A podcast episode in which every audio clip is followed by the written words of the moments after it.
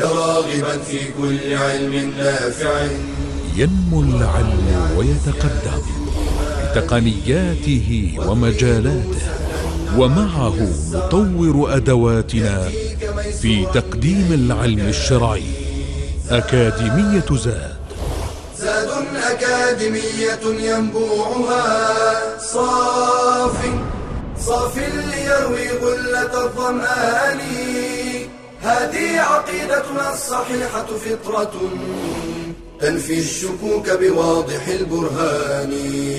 بشرى لنا زاد أكاديمية للعلم كالأزهار في البستان. الحمد لله رب العالمين والصلاة والسلام على أشرف المرسلين محمد وعلى آله وصحبه أجمعين. اللهم إنا نسألك علما نافعا وعملا صالحا وقلبا خاشعا ولسانا ذاكرا. اللهم علمنا ما ينفعنا وانفعنا بما علمتنا واجعله حجة لنا ولا تجعله حجة علينا يا رب العالمين. حياكم الله معاشر طلاب العلم في المحاضرة التاسع عشر من محاضرات مادة العقيدة المستوى الرابع. من هذه المحاضرة إن شاء الله إلى نهاية المحاضرات سنتحدث بمشيئة الله عن أشراط الساعة. لكن قبل أن نتحدث عن أشراط الساعة نريد أن نشير إشارة خفيفة عن موضوع الإيمان باليوم الآخر وعن أثر هذا الإيمان على حياة الإنسان. ولما أو ما الحكمة؟ من ذكر أشراط للساعة كثيرة جدا أشراط صغرى وأشراط كبرى ما أثر وجود هذه الأشراط على مسألة الإيمان باليوم الآخر. سنجعل هذا التمهيد بمشيئة الله كمقدمة للحديث عن أشراط الساعة. كما تذاكرنا في المستويات الماضية أن الإيمان باليوم الآخر معناه أن نؤمن بكل ما أخبرنا به الله سبحانه وتعالى أو رسوله صلى الله عليه وسلم عما يكون بعد موت الإنسان. كل ما يكون بعد موت الإنسان هذا يدخل في موضوع الإيمان باليوم الآخر.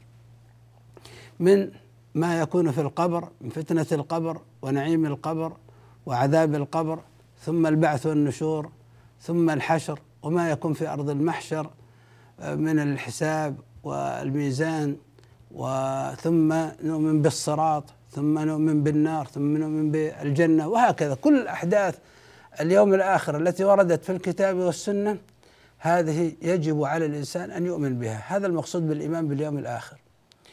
وهذا الركن من أركان الإيمان وهو الركن الخامس من أركان الإيمان له أهمية بالغة في التزام الإنسان بشرع الله سبحانه وتعالى وله أهمية بالغه في سير الإنسان في هذه الحياة بمقدار إيمان الإنسان باليوم الآخر بمقدار ما سيكون سلوكه في هذه الحياة بمقدار التزامه بالشرع في سيره في هذه الحياة. هناك ارتباط وثيق.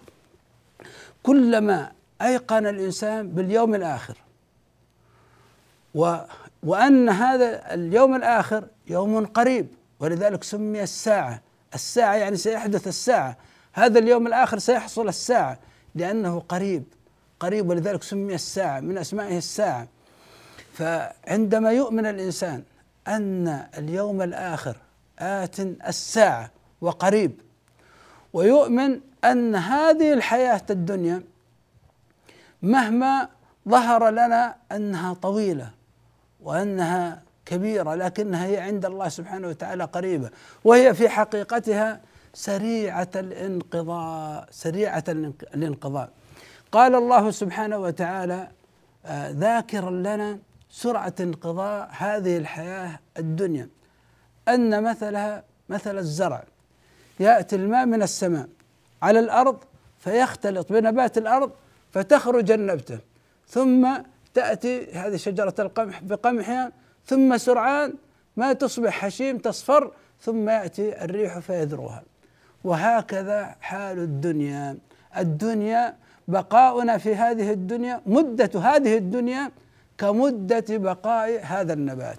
قال الله سبحانه وتعالى واضرب لهم مثل الحياة الدنيا كماء أنزلناه من السماء فاختلط به نبات الأرض فأصبح هشيما تذروه الرياح وكان الله على كل شيء مقتدرا. ثم ماذا بعد انقضاء هذه الدنيا؟ يأتي هذا اليوم الآخر الذي فيه الحساب والجزاء. فهذه الدنيا سريعة الزوال وقد وجدنا فيها لحكمة. هذا يأتي الإيمان باليوم الآخر. وجدنا في هذه الدنيا لنعمرها بما سنجنيه يوم القيامة بين يدي الله. فلا بد من استغلال هذه المدة لأداء الحقوق التي أوجبها الله سبحانه وتعالى علينا. وكل مباح من شأنه أن يشغلنا عن الاستعداد للانتقال لدار الخلود ينبغي الزهد فيه. فكيف بالمحرم؟ فكيف بالمكروه؟ من باب أولى. هذا هذا حكمة من حكم الإيمان باليوم الآخر. الزهد في هذه الدنيا. أمر آخر يا إخوان من من الساعة الساعة هذه الساعة الكبرى هناك ساعة صغرى تتعلق بحياة الإنسان في هذه تتعلق بمدة بقاء الإنسان في هذه الحياة. الدنيا في ذاتها قصيرة زائلة ومع هذا فمدة بقاء الإنسان فيها إنما هو ساعة أو عشية أو ضحوة. يا إخوان عندما يكون الإنسان لو وضع الإنسان إصبعه أمام عينه سيرى هذا هذا الإصبع كبيرة جدا. عندما تبعد هذه الإصبع تراها على حقيقتها ترى إصبعك على حقيقتها. كذلك نحن يا إخوان لأننا في هذه الدنيا آه، نعيش فيها لا نرى على حقيقتها. بمجرد أن نغادر منها سنرى أن هذه الدنيا كانت عشية. هذه الدنيا كانت ساعة. هذه الدنيا كانت ضحوة. كما قال الله سبحانه وتعالى ويوم يحشرهم كأن لم يلبثوا إلا ساعة من النهار يتعارفون بينهم. قد خسر الذين كذبوا بلقاء الله وما كانوا مهتدون وما كانوا مهتدين. وقال تعالى كأنهم يوم يرونها لم يلبثوا إلا عشية أو ضحاها. هذا الإنسان المؤمن باليوم الآخر ويعلم أن مدة بقائه في هذه الدنيا إنما هي ساعة ثم سينتقل إلى اليوم الآخر وسيحاسب على أعماله. ما الواجب عليه؟ ما هو تصرفه؟ كيف سيكون سيره؟ ويعلم أنه وجد في هذه الحياة وقد كلف بأعمال شرعية. سيسأل عنها بين يدي الله تعالى. هذا عنده أصبح يقين. إذا هو سينشغل بالواجب وسيترك المحرم وسيتورع عن المكروه وسيزهد عن الأمور المشغلة له عن الواجب والمستحب. لعدم وجود الوقت الكافي للقيام بالواجبات والمستحبات وهذا أيضا حكمة عظيمة من حكم الإيمان باليوم الآخر. قال صلى الله عليه وسلم مبينا لنا مدة بقائنا في هذه الدنيا. يقول صلى الله عليه وسلم: ما لي وللدنيا ما أنا في الدنيا إلا كراكب استظل تحت شجرة ثم راح وتركها. بالله عليكم إنسان مسافر ثم جاء تحت أراد أن يرتاح في أثناء سفره وجد شجرة ذات ظل وارف فارتاح تحتها قليلا أخذ غفوة ثم قام وواصل في طريقه. هل هذا الإنسان سيتخذ ظل هذه الشجرة سيتخذها مسكن وسيبقى هناك وسينسى سيره؟ لا يمكن لا يمكن أن يترك سفره. النبي صلى الله عليه وسلم يبين لنا أن مدة بقائنا في هذه الدنيا كمدة في الحقيقة. كمدة بقاء ذلك المسافر الذي استظل تحت شجرة ثم راح وتركها. هذا هذا وقت الدنيا. فإذا كان هذا وقت الدنيا فكيف ينشغل الإنسان في هذه الدنيا بالمحرمات ينشغل بالمكروهات ينشغل بما لا نفع له في ما سيوصله إلى الدار الآخرة. إذا من كان موقن باليوم الآخر ويعلم أن مدة بقائه في هذه الدنيا كمدة بقاء ذلك المستظل في سفر تحت تلك الشجرة فإنه سيعمر هذه الدنيا سيعمرها بما ينفعه في اليوم الآخر. فلذلك الموقن باليوم الآخر ستجد حياته مبنية على هذه على هذا الاعتقاد. نأخذ فاصل ثم نعود إليكم بمشيئة الله. بشرى لنا أكاديمية للعلم كالأزهار في البستان.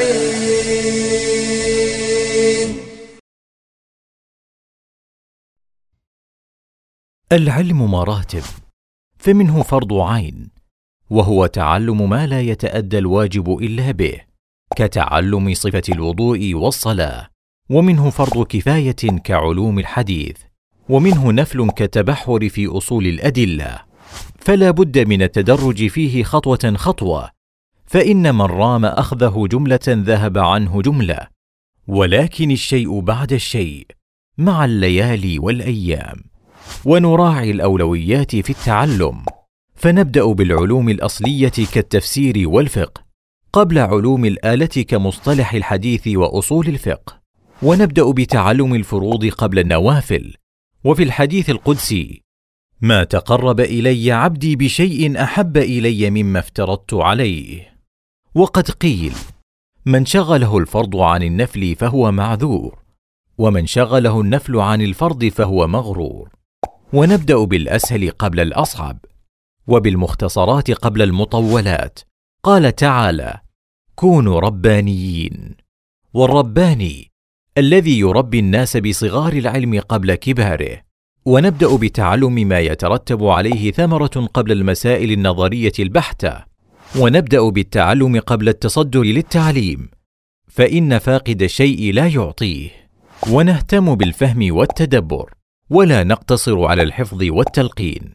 فتدرج في طلب العلم حتى تكون من الراسخين. قال صلى الله عليه وسلم من يرد الله به خيرا يفقهه في الدين.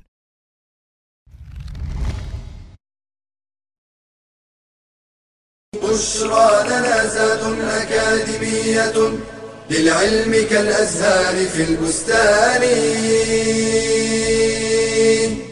حياكم الله أيها الأحبة.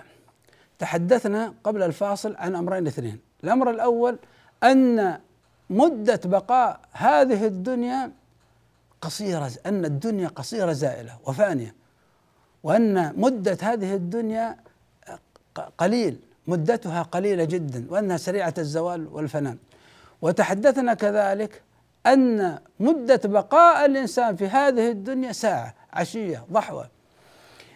نريد أن نبين شيء ثالث الآن يتعلق بقضية الإيمان بالدنيا والإيمان بالآخرة. أن نعيم هذه الدنيا رغم أنها يعني أصلا هي قصيرة قصيرة فانية سريعة الزوال والإنسان مدة بقائه فيها مدة قصيرة جدا. ومع هذا قد يجد الإنسان نعيم في هذه الدنيا في هذه الساعة في هذه العشية في هذه الضحوة قد يجد نعيم. وقد يكون هذا النعيم كبير وضخم. وأموال وسيارات ومساكن وزوجات ونحو ذلك من النعيم وعافية في بدنه ونحو ذلك. هذا النعيم الذي يجده الإنسان في هذه الدنيا بالنسبة لنعيم الآخرة لا شيء لا يساوي هذا النعيم مهما كبر مهما عظم لا يساوي في بالنسبة لنعيم الآخرة شيئا. لا يساوي حتى المنديل الذي يتمسح به المؤمن في الجنة. هذا المنديل يساوي نعيم الدنيا بأكملها. قال الله سبحانه وتعالى بل تؤثرون الحياة الدنيا والآخرة خير وأبقى. خير وأبقى. قال الله سبحانه وتعالى إن الذين لا يرجون لقاءنا ورضوا بالحياة الدنيا واطمأنوا بها والذين هم عن آياتنا غافلون. قال الله سبحانه وتعالى فلا تعلم نفس ما أخفي لهم من قرة أعين جزاء بما كانوا يعملون. قال الله سبحانه وتعالى لكن الذين اتقوا ربهم لهم جنات تجري من تحتها الأنهار خالدين فيها نزلا من عند الله وما عند الله خير للأبرار. هذا رسولنا صلى الله عليه وسلم يقول موضع موضع موضع صوت في الجنة العصا خير من الدنيا وما فيها.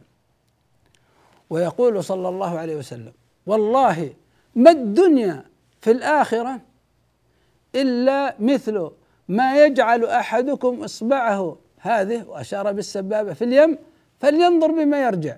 انظر كيف هذا النعيم. يعني نعيم الدنيا كله بالنسبة لنعيم الآخرة كأن واحد وضع إصبعه في اليم ثم خرج فلينظر بما يرجع. فنعيم الدنيا لا شيء بالنسبة لنعيم الآخرة. يقول صلى الله عليه وسلم موضحا هذه الحقيقة يقول لو كانت الدنيا تعدل عند الله جناح بعوضة. شوف نعيم الدنيا كله لو كان يساوي عند الله جناح بعوضة قال صلى الله عليه وسلم ما سقى كافرا منها شربة ماء. نعيم الدنيا لا يساوي بالنسبة لنعيم الآخرة وما عده الله من النعيم الحقيقي لا يساوي عند الله حتى جناح بعوضة. واستمعوا لهذا الحديث العجيب من نبينا صلى الله عليه وسلم والحديث في مسلم. هذا الحديث فيه أن النبي صلى الله عليه وسلم مر بالسوق. والناس كنفته يعني على جنبته جنبته من الصحابة. فمر بجدي أسك ميت. أسك مقطوع الأذن أو فيه عيب في أذنه وميت. فتناوله النبي صلى الله عليه وسلم وأخذ بأذنهم ثم قال أيكم يحب أن هذا له بدرهم؟ أيكم يحب أن هذا له بدرهم؟ قالوا يا رسول الله ما نحب أنه لنا بشيء وما نصنع به. فقال أتحبون أنه لكم؟ الآن صار بلاش أول بدرهم الآن تحبون أنه لكم؟ قالوا والله لو كان حيا كان عيبا فيه لأنه أسك فكيف وهو ميت؟ فالآن النبي صلى الله عليه وسلم اطمأن وعرف أنهم عندهم زهد في هذا الجدي الأسك الميت وعرف أنهم يعني أنه لا قيمة له في نفوسهم وتيقن من ذلك. ثم قال صلى الله عليه وسلم فوالله للدنيا أهون على الله من هذا عليكم. فوالله للدنيا يعني نعيم الدنيا بأكمله. للدنيا فوالله للدنيا أهون على الله من هذا عليكم. الآن هو يتحدث مع تجار وهو في السوق الآن. وهذه التجارة ستأتي بنعيم الدنيا سيحصلون من ورائه نعيم. فالنبي صلى الله عليه وسلم يقول لهم يعني هذه إشارة لأهل السوق أنتم سيحصل لكم نعيم. لكن اعلموا أن هذا النعيم الذي ستحصلونه في هذه الدنيا هو عند الله أهون من هذا الجدي الأسك على نفوسكم. هذا أمر هين تحتقرونه لا قيمة له عندكم. فكذلك نعيم الدنيا بأكملها عند الله سبحانه وتعالى أهون من هذا الجدي الأسك في نفوسكم. نعم يا إخوان نعيم الدنيا ليس حراما ولكنه هو ليس بشيء بالنسبة لنعيم الآخرة. هذا هو هذا الهدف من هذا الخطاب. وهذا خطاب لأهل السوق والتجار غالبا يرزقون ولذلك التجار ما تركوا تجارتهم عرفوا أن المقصود ألا يشغلهم. طلب هذا النعيم عن اليوم الآخر فيقع في المحرمات أو المكروهات أو نحو ذلك. هذا هو المقصود به. عندما يعلم الإنسان أن هذه الدنيا بأكملها فانية قصيرة سريعة الزوال وأنه هو فيها أيضا وقته فيها وقت قصير جدا لمدة ساعة أو عشية وأن هذا النعيم الذي في يحصله الإنسان في هذه الدنيا بالنسبة للنعيم الآخرة لا شيء. ماذا سيصنع هذا الإنسان؟ الموقن المؤمن بالله والمؤمن باليوم الآخر هذا سيغتنم عمره ويغتنم فترة شبابه بالأعمال الصالحة. لذلك قال النبي صلى الله عليه وسلم لنا اغتنم خمسا قبل خمس. شبابك قبل هرمك وصحتك قبل سقمك وغناك قبل فقرك وفراغك قبل شغلك وحياتك قبل موتك. هذا يخاطب من؟ الذين يؤمنون بالله وباليوم الآخر. لذلك قال صلى الله عليه وسلم لا تزول قدم ابن آدم يوم القيامة من عند ربه حتى يسأل عن خمس. خلاص الآن هذا المؤمن بالله ومن باليوم الآخر ومؤمن أنه سيقف بين يدي الله في اليوم الآخر.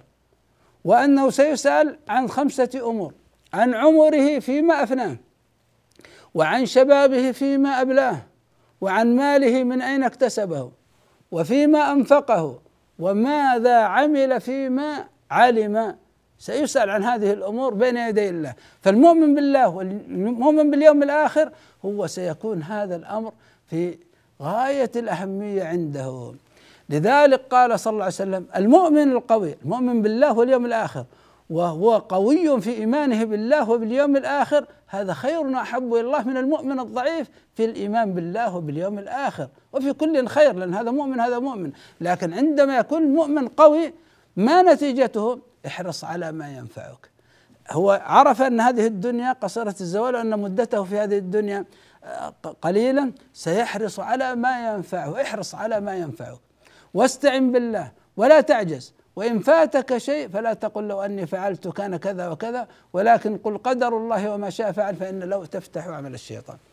المؤمن بالله واليوم الآخر ستجده في هذه الحياة يملأ ساعات عمره وفترة شبابه ووقت عافيته وصحته بالأمور التي سيسأل عنها بين يدي الله من الواجبات والمستحبات فسيشغل وقته بالاتيان بالواجبات والمستحبات مستفيدا من نعم الله عز وجل عليه. نعمة العلم نعمة المال نعمة الصحة سيستثمرها في طاعة الله. هذا أعظم أثر من أثر الإيمان باليوم الآخر.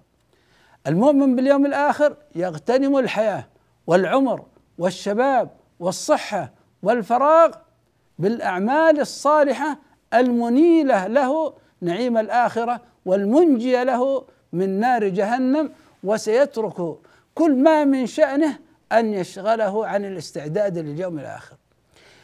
أيها الأحبة في الله هذا المؤمن بالله واليوم الآخر تجده يعتقد سرعة انقضاء الدنيا، يعتقد قصر عمره في هذه الدنيا، يعتقد أن نعيم الدنيا مهما عظم فهو لا شيء بالنسبة لنعيم الآخرة وبالتالي وهذه الثمرة الكبيرة في قضية الإيمان باليوم الآخر أنه يغتنم عمره ووقته وشبابه بالأعمال الصالحة. ولذلك يا إخوان عقيدة الإيمان باليوم الآخر يظنها الكثير من الناس خاصة من غير المسلمين أنها تعطل عن إصلاح الدنيا وعن عمارة الدنيا وهذا فهم غير صحيح لأن الذي يؤمن باليوم الآخر سيعمل وسيجتهد وسيكون متحرك في هذه الدنيا من أجل أن يقيم فيها شرع الله سبحانه وتعالى. وفي شرع الله في هذه في الالتزام بشرع الله فيها عمارة الدنيا قبل عمارة الآخرة. هو أنشأكم من الأرض واستعمركم فيها. نأخذ فاصل ثم نعود إليكم بمشيئة الله. بشرى لنا أكاديمية للعلم كالأزهار في البستان.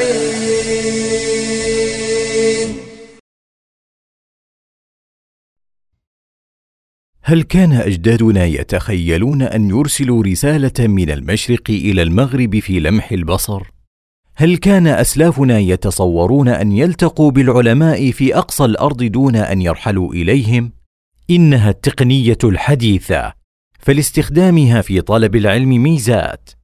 منها سرعة ويسر الوصول إلى المعلومة وضخامة المعلومات وتنوعها والتواصل مع العلماء حيثما كانوا ومن ميزاتها الكبيرة تيسير طلب العلم على المعاقين وذوي الاحتياجات الخاصة فلا غنى لطالب العلم عن الحاسوب بما عليه من مكتبات ضخمة حيث يمكنه البحث في ألوف الكتب في ثوان معدودة.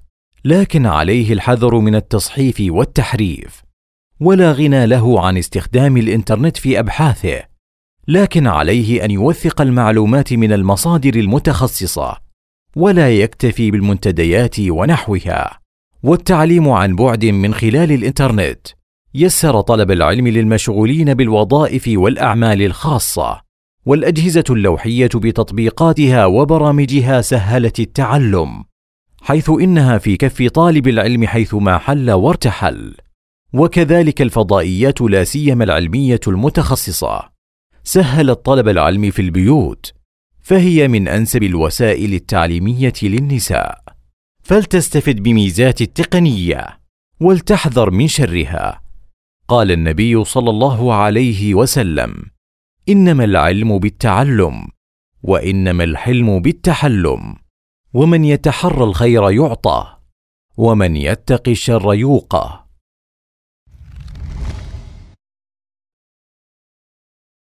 بشرى لنا زاد أكاديمية للعلم كالأزهار في البستان.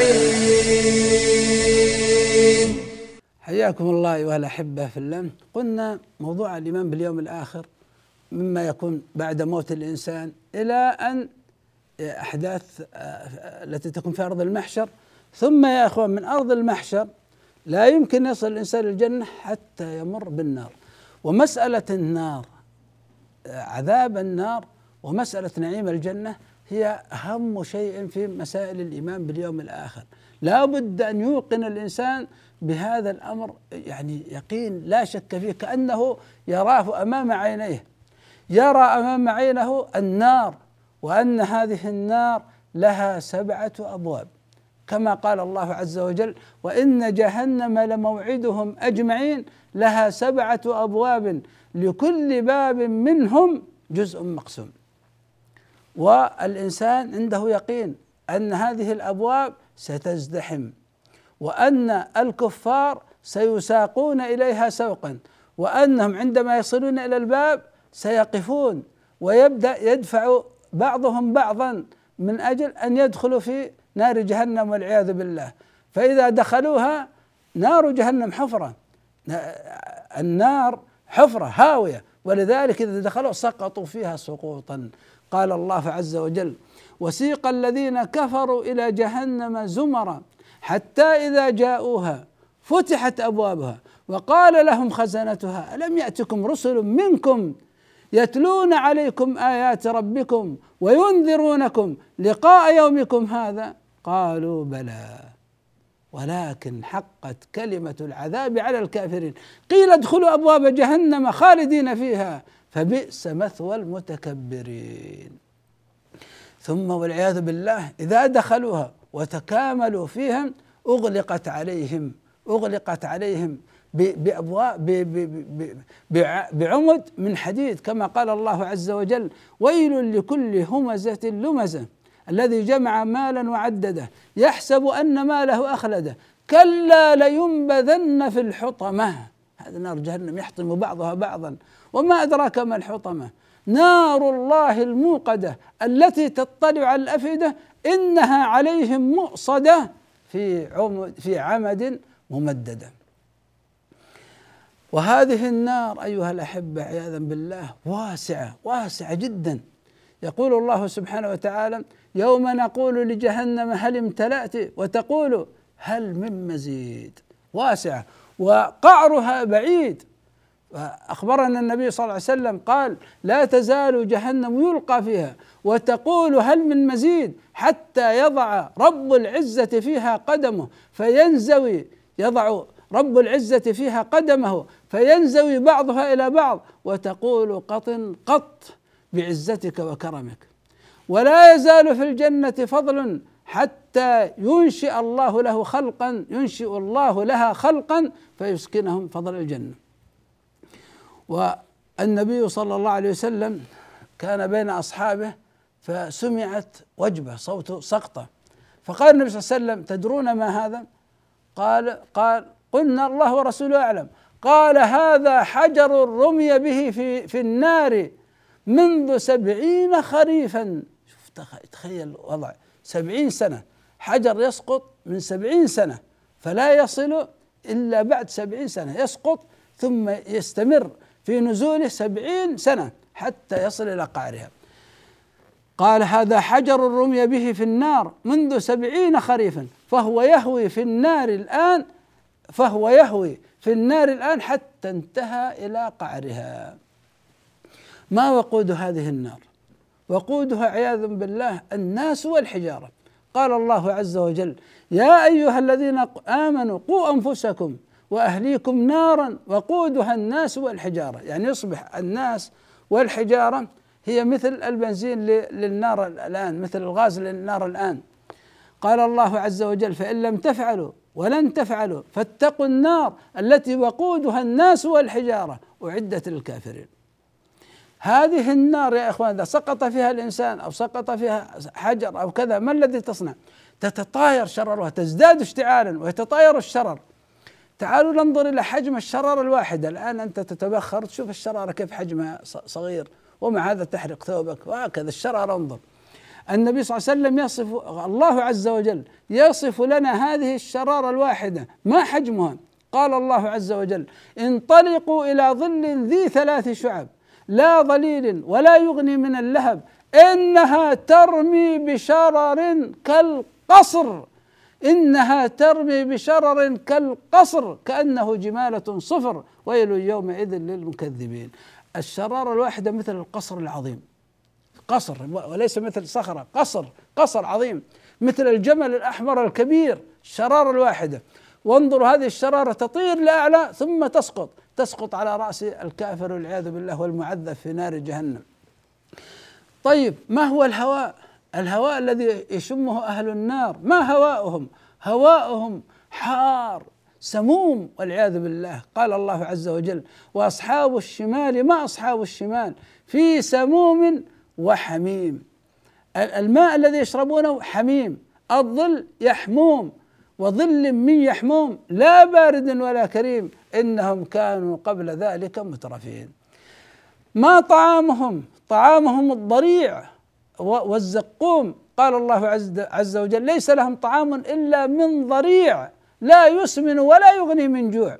ويقول الله عز وجل أذلك خير نزل أم شجرة الزقوم؟ إنا جعلناها فتنة للظالمين إنها شجرة تخرج في أصل الجحيم طلعها كأنه رؤوس الشياطين فإنهم لآكلون منها فمالئون منها البطون ثم إن لهم عليها لشوبا من حميم.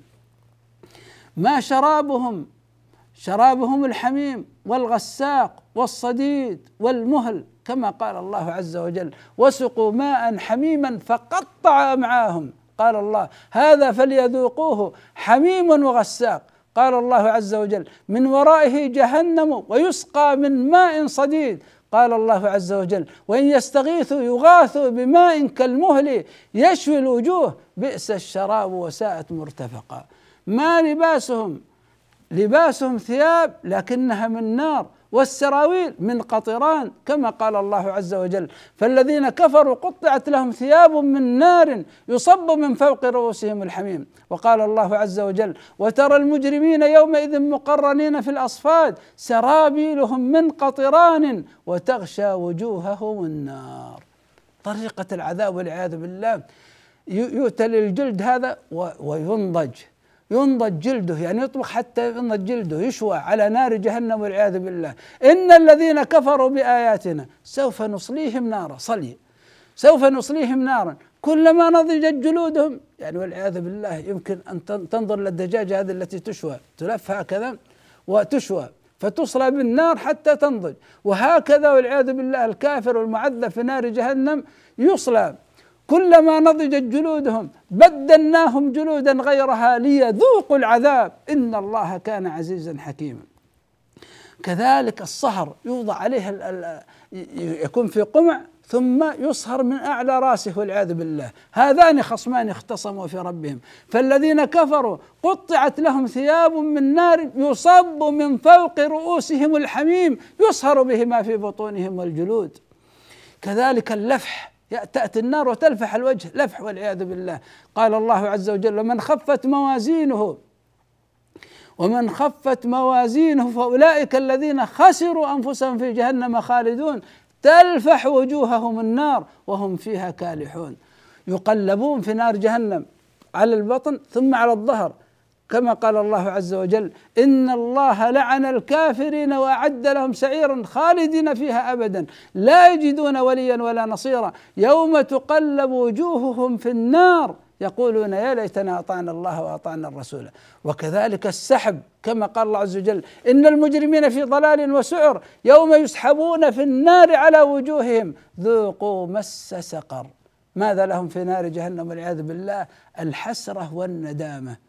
كما قال الله عز وجل ولو أن لكل نفس ظلمت ما في الأرض لافتدت به وأسروا الندامة لما رأوا العذاب وقضي بينهم بالقسط وهم لا يظلمون. يبذل كل شيء هذا الكافر من أجل الخلاص يدعو بالثبور والهلاك يصرخ يطلب الرجوع لهذه الدنيا لكن انتهى الموضوع. هذا بالنسبة لعذاب النار والعياذ بالله. في الحلقة القادمة نتحدث عن نعيم الجنة ثم نبدأ في الحديث عن أشراط الساعة. نسأل الله سبحانه وتعالى أن ينجينا من ناره ونسأل الله سبحانه وتعالى أن يرزقنا الجنة. ونسأل الله سبحانه وتعالى أن يملأ قلوبنا يقينا باليوم الآخر لنشغل هذه الدنيا بطاعة الله سبحانه وتعالى وبالالتزام بشرعه. أسأل الله سبحانه وتعالى بأسماء الحسنى وصفاته العلى أن أن يوفقنا للعمل الصالح. وصلى الله وسلم وبارك على عبده ورسوله محمد وجزاكم الله خيرا وإلى اللقاء في حلقة قادمة بمشيئه الله.